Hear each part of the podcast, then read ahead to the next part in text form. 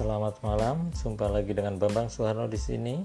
Saya akan berbicara tentang bagaimana mengatur pendapatan yang terbatas.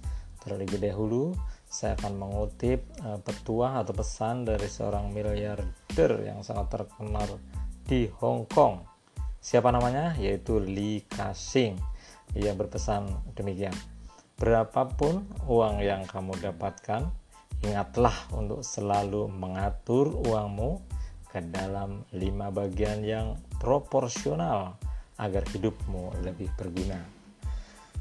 E, seperti apa lima bagian yang proporsional itu? Ayo kita bicarakan satu persatu. Yang pertama, kumpulkan uangmu untuk kebutuhan sehari-hari, untuk hidup yang sederhana, anggarkan uang yang sedikit untuk makan dan minum. Yang kedua, kumpulkan uangmu untuk kebutuhan networking, memperluas jaringan, atau menyambung silaturahmi. Tentu ini akan sangat berguna untuk masa depan.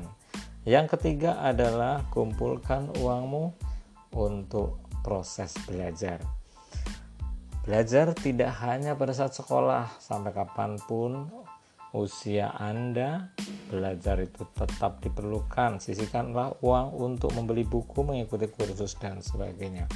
Dan yang keempat adalah kumpulkan uang Anda untuk rekreasi. Manjakan diri Anda untuk berlibur.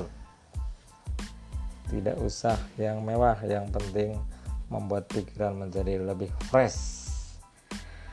Serta yang kelima adalah ini yang sangat penting dan sering kali kita lupakan adalah mengumpulkan uang untuk investasi. Sisihkan barang sejuta dua juta tiap bulan.